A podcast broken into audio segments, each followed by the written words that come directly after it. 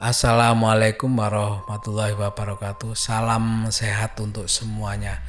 Mari eh, kita menguatkan, saling menguatkan diri untuk menghadapi eh, wabah yang melanda negara kita sekarang ini dan juga dunia. Eh, semuanya saling menguatkan diri, saling menjaga, jauhi kerumunan, kerumunan stay di rumah kalau memang tidak hal yang sangat penting harus keluar rumah. Juga saya sampaikan terima kasih untuk komentar-komentarnya. Tiap kali uh, upload dongeng tengah malam. Walaupun hanya sekedar si hello hadir atau dari mana sangat uh, membuat Pak D seneng ya, untuk membacanya walaupun tidak bisa saya jawab satu persatu mohon maaf. Tapi selalu oh, saya baca dan saya lihat. Dan itu menguatkan dongeng tengah malam untuk selalu membuat cerita secara konsisten ya. Berusaha supaya ada selalu cerita terbaru untuk pendengar dongeng tengah malam semuanya. Dan yang belum subscribe silakan subscribe dan bunyikan lonceng untuk update-update terbaru. Eh, dari Dongeng Tengah Malam juga yang di Spotify silakan follow.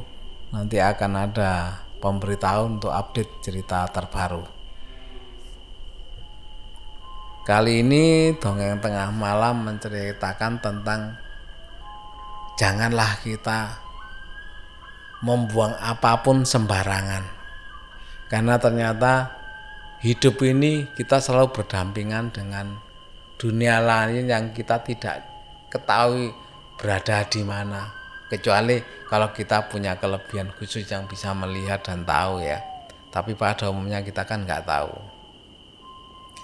Dalam cerita ini sebut saja namanya Rebo ya. Rebo ini pekerjaan seharinya harinya itu serabutan. Jadi kalau ada pekerjaan baru dia akan berangkat tuh kerja. Bahkan kalau nggak ada dia keliling gitu loh. Barangkali ada yang membutuhkan jasanya dari kampung ke kampung. Salah satunya bisa mulai bersih-bersih memperbaiki rumah apa pun dia kerjakan. Dan bagi saya kalau saya melihat eh, ceritanya ini ya bahwa Rebo ini termasuk sosok yang tangguh sosok pemuda yang tangguh yang tidak patah semangat. Walaupun dia tidak punya pekerjaan tetap dia yakin bahwa dia dengan berjalan berkeliling itu akan membuahkan hasil. Dan itu adalah semangat yang tidak semua orang bisa punya semangat ini. Jadi tiap hari dia harus keliling dari eh, desa satu ke desa lainnya dengan membawa peralatan Nah peralatan dia itu ya sederhana, ya ada eh, jadi dibawa kayak kantong gitu, kantong bekasnya apa ya beras atau apa mungkin ya agak itu. Jadi di dalamnya itu peralatan mulai dari apa namanya untuk oh apa motong rumput bahkan cetok cetok untuk bangun rumah tuh ada semua di situ. Namanya juga serabutan. Dan karena semangatnya si Rebo ini sudah dikenal bahwa Rebo ini bisa apa pun. Bersih-bersih kebun betulkan tembok yang rusak betulkan pagar yang rusak. Eh, itu bisa. Bisa semua. Makanya dia yakin bahkan orang-orang sudah pesenan karena sudah terkenalnya ini hari ini ke sini ya besok ke sana ke sana itu sampai orang tuh tahu jadwalnya eh, eh, si Rebo ini.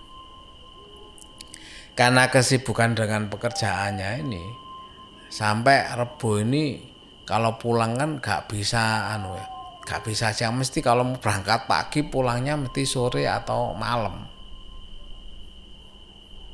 lah pada suatu hari seperti biasa, Rebo ini mendapat pesanan untuk membetulkan e, genteng yang bocor dari desa yang mungkin agak jauh dari desanya. Jadi dia harus ke beberapa melewati beberapa desa untuk sampai ke sana. Dan Rebo ini kalau mengerjakan sesuatu memang gak lihat waktu. Dia berusaha apa yang dikerjakan itu kalau bisa secepatnya diselesaikan hari itu juga kecuali kalau memang nggak anu nggak anu ya waktunya nggak bisa ya dia akan uh, lanjutkan ke hari berikutnya. Dan itu orang sudah pada tahu kecekatan si Rabu Rebo ini. Lah seperti biasa pagi-pagi Rebo ini berangkatlah membetulkan genteng dari pesanan desa yang di sana ya. Dia ngerjakan karena waktu itu mulai pagi dikerjakan sampai sore ini masih belum selesai. Lah Rebo ini kan ingin segera menyelesaikan karena apa?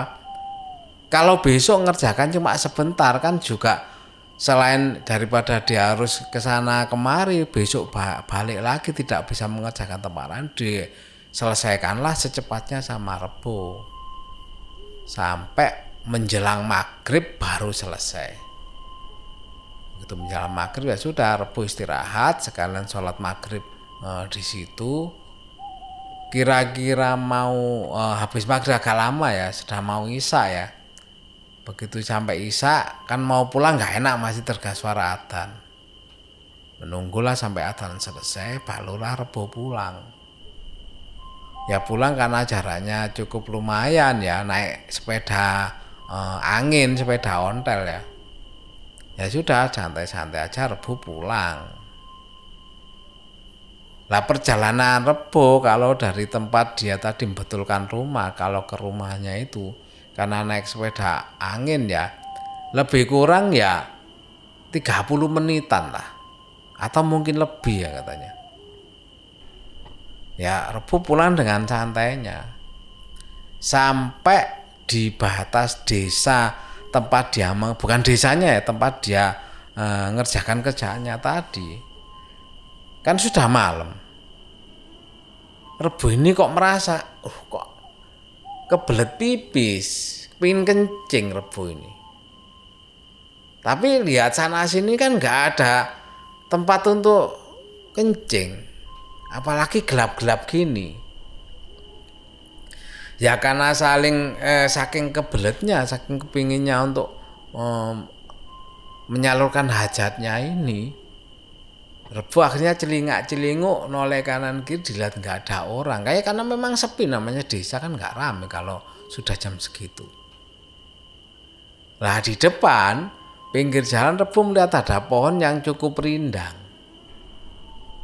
Tidak tahu itu pohon apa karena malam kan nggak merhatikan si Rebo ini. Karena saking kebelit ya sudah dia akhirnya dekat pohon itu oh, buanglah hajatnya dia. Mau kencing di situ. Kencing ya sudah lega katanya Rebo. Akhirnya bisa menyalurkan daripada ditahan-tahan. Habis kencing ya sudah. Seperti biasa nggak ada apa-apa. Rebo ya pulang dengan dengan santainya. Kan enak sudah nggak kebelet lagi nggak kebelet pipis lagi. Hanya pulang sampailah di rumah. Sampai di rumah karena seharian kan habis kerja. Nah, Rabu ini ya kecapean lah. Rumah bersih bersih diri langsung istirahat. Namanya orang desa ya sebelum tidur kan biasa lihat uh, keluar dulu santai-santai sampai merasa ngantuk baru tidur ke dalam. Akhirnya tidur. Tidur tiba-tiba malam hari kan sudah tertidur ini tengah malam rebo ini kok merasa pingin buang air kecil lagi. Ya terbangunlah dia. Begitu pingin buang air kecil kan bangun dia segera kan ke kamar mandi uh, untuk buang air kecil. Tapi begitu masuk kamar mandi mau buang air kecil, ini kebelet tapi gak bisa keluar air kencingnya ini. Lah Rabu heran, ini kebelet tapi gak bisa keluar gitu loh. Nah dia merasa uh, kok kok merasa sakit. mau kencing itu nggak bisa tapi sakit gitu begitu nunggu nunggu nggak bisa merintih kan si si rebu ini. Ya merintih kesakitan. Begitu merintih mungkin suaranya juga lumayan anu ya merintih kesakitan. Sampailah terdengar sama orang kan dia tinggal sama orang tuanya terdengarlah orang tuanya rebu begitu mendengar ada suara kok seperti orang kesakitan orang tuanya nyamperin rebu dilihat ternyata rebu di di bilik kamar mandi. Loh Bu, kamu kenapa, Rep? Rebu, kamu kok kok kesakitan katanya orang tuanya. Iya mak, enggak tahu manggilnya kan mak. Iya mak, enggak tahu ini saya kok sakit mau kencing nggak bisa. Lamanya Rebu ini ya heran loh. Kok lo kamu tadi kenapa? Gak kan nggak apa-apa sih, nggak apa-apa mau uh, tadi siang bahkan tadi mau pulang kencing juga seperti biasa nggak apa-apa kok sekarang sakit katanya saking saking ya sudah karena nggak bisa dituntun sama emaknya disuruh tidur lagi. Tapi si rebu menahan kesakitan nggak karu-karuan. Katanya bisa kencing tapi keluarnya sedikit-dikit gitu. Seperti ada nahan. Hanya karena sakit sampai besoknya Rabu masih sakit. Bahkan badannya pun panas. Ya karena mungkin nahan sakitnya tadi. Karena sakit akhirnya orang tuanya kan bingung diajaklah Rabu oh, periksa mungkin ada apa-apa. Lah kalau gitu kalau sekarang itu mungkin ya kencing batu ya mungkin ya. Kan nggak bisa kencing ya. Nah, jadi saluran kencingnya itu ketutupan sama batu yang mem, uh, menggem, menggem, apa, menggumpal ya batunya itu. Diperiksakan akhirnya sama dokter oh ya ini mungkin ya tadi mungkin kencing batu atau apa dikasih lah obat sama uh, menteri kesehatan ya. Ke di di puskesmas maksudnya dia akan pergi ke puskesmas terdekat ya, ya sebenarnya gak terdekat jauh sih dari desanya kalau mau ke puskesmas. Hanya dikasih obat nggak sembuh sembuh si rebo ini. Katanya sih masih sakit aja. Sampai berlangsung uh, dua hari jadi hari ketiga daripada waktu malam itu. Jadi besoknya sama besoknya dari masih kesakitan rebo ini. Kesakitan, ya bisa kan. Uh, akhirnya setelah dikasih obat katanya bisa kencing, cuma sih tetap rasanya masih ngejek karena sakit di daerahnya uh, kencingnya dia itu. Akhirnya karena orang desa ya, orang desa sakit gitu kan mesti orang tetangga-tetangga kan dengar semua. Dengar semua kan banyak yang akhirnya nyambangi artinya jenguk dia sakit. Tetangga-tetangga sebelah oh, sakit apa kok? Oh, si rebo sakit apa? Hanya diceritain lah. Lah salah satu yang jenguk itu mungkin orang yang agak ngerti ya masih orang pengalaman mungkin ditanyailah si Rebo. Kamu sebelum sakit itu kenapa? Katanya gitu. Ya nggak apa-apa saya nggak eh, masa dia tiba-tiba sakit seperti itu katanya nggak nggak ada yang aneh sebelum merasakan sakit itu. Ya mungkin karena rasa penasaran atau apa dari orang yang agak ngerti tadi ditanyai si Rebo. Sebe, eh, sebelum kamu sakit gini apa yang kamu lakukan? Katanya. Nah nggak ada apa-apa pak. Saya ini loh ya nggak nggak melakukan apa-apa. Ya kerja seperti biasa pulang seperti apa uh, seperti biasa. Coba diinget-inget kamu uh, ada melakukan apa sebelum sakit ini waktu pulang? Akhirnya Robo cerita bahwa hari itu sebenarnya dia mengerjakan di uh, desa seberang ya agak jauh lah pada waktu pulang katanya dia ingin kencing karena empat kan malam. Uh, selesainya kebetulan sampai maghrib jadi dia pulang habis bayaran habis eh, ngobrol-ngobrol kan habisnya pulang. Nah dia bilang mau ke belet pipis dan di situ ada pohon besar pipis di situ. Begitu mendengar itu orang tadi hanya hmm pantas katanya. Lah heran maksudnya pantas gimana? Wong saya sakit kok pantas katanya. Ya kan? Uh, Rebo merasa kok gak bener gitu loh dibilangnya pantas. Akhirnya diceritain lah sama orang tadi gini aja. Kamu itu oh, sebenarnya diganggu oleh sesuatu yang lain katanya Nah, Rebu heran, orang tuanya Rebu, maknya juga heran, maksudnya diganggu sesuatu yang lain gimana? Nah, Rebu ini kencing sembarangan di satu tempat yang dia tidak di, tidak ketahui, asal aja di situ. Akhirnya usut punya usut, benar memang Rebu kencing di satu tempat yang tidak tahu. Katanya Rebu pohonnya pohon apa karena gelap pun nggak tahu jadi katanya orang tadi bukan masalah pohonnya. Jadi kamu itu kencing sembarangan dan asal aja tanpa permisi, tanpa apa di satu tempat yang belum dia kenal katanya. Ya karena mendengar itu maknya rebut juga lu terus eh, memohon sama orang itu terus harus bagaimana ini. Nah orang itu bilang saya nggak saya nggak tahu cuma saya saya tahu ada sesuatu yang lain pada diri Rebo. Jadi ada seperti ada yang nempeli Rebo gitu loh. Nggak tahu nempeli apa ya apa yang mengganggu Rebo sampai punya sakit seperti itu. Lah kalau pingin kejelasannya dia bilang saya nggak bisa, saya hanya bisa tahu aja. Nah cobalah tanya-tanya ke tetua atau orang tua atau yang lebih ngerti lah masalah ini disarankan gitu sama hanya sudah maknya juga ngerti rebu juga ngerti maksudnya. Hanya selesai pembicaraan itu maknya rebu akhirnya mencari-cari kira-kira siapa yang bisa. Dan yang diketahui sama maknya rebu itu ya ada memang tetua desa di situ yang memang orangnya juga alim. Dan biasanya memang sering membantu orang tuh hal seperti itu. Akhirnya datanglah Maknya Rebo ke tetua desa yang dituakan lah bukan ketua bukan kepala desa ya yang dituakan atau tetua desa di situ. Mendengar cerita dari Maknya Rebo itu akhirnya tetua itu datanglah ke tempatnya Rebo. Setelah dilihat eh, mungkin meditasi atau berdoa ya di situ ternyata tetua desa tadi bilang gini aja uh, benar yang disampaikan dari orang yang pernah uh, bilang ke kamu kemarin.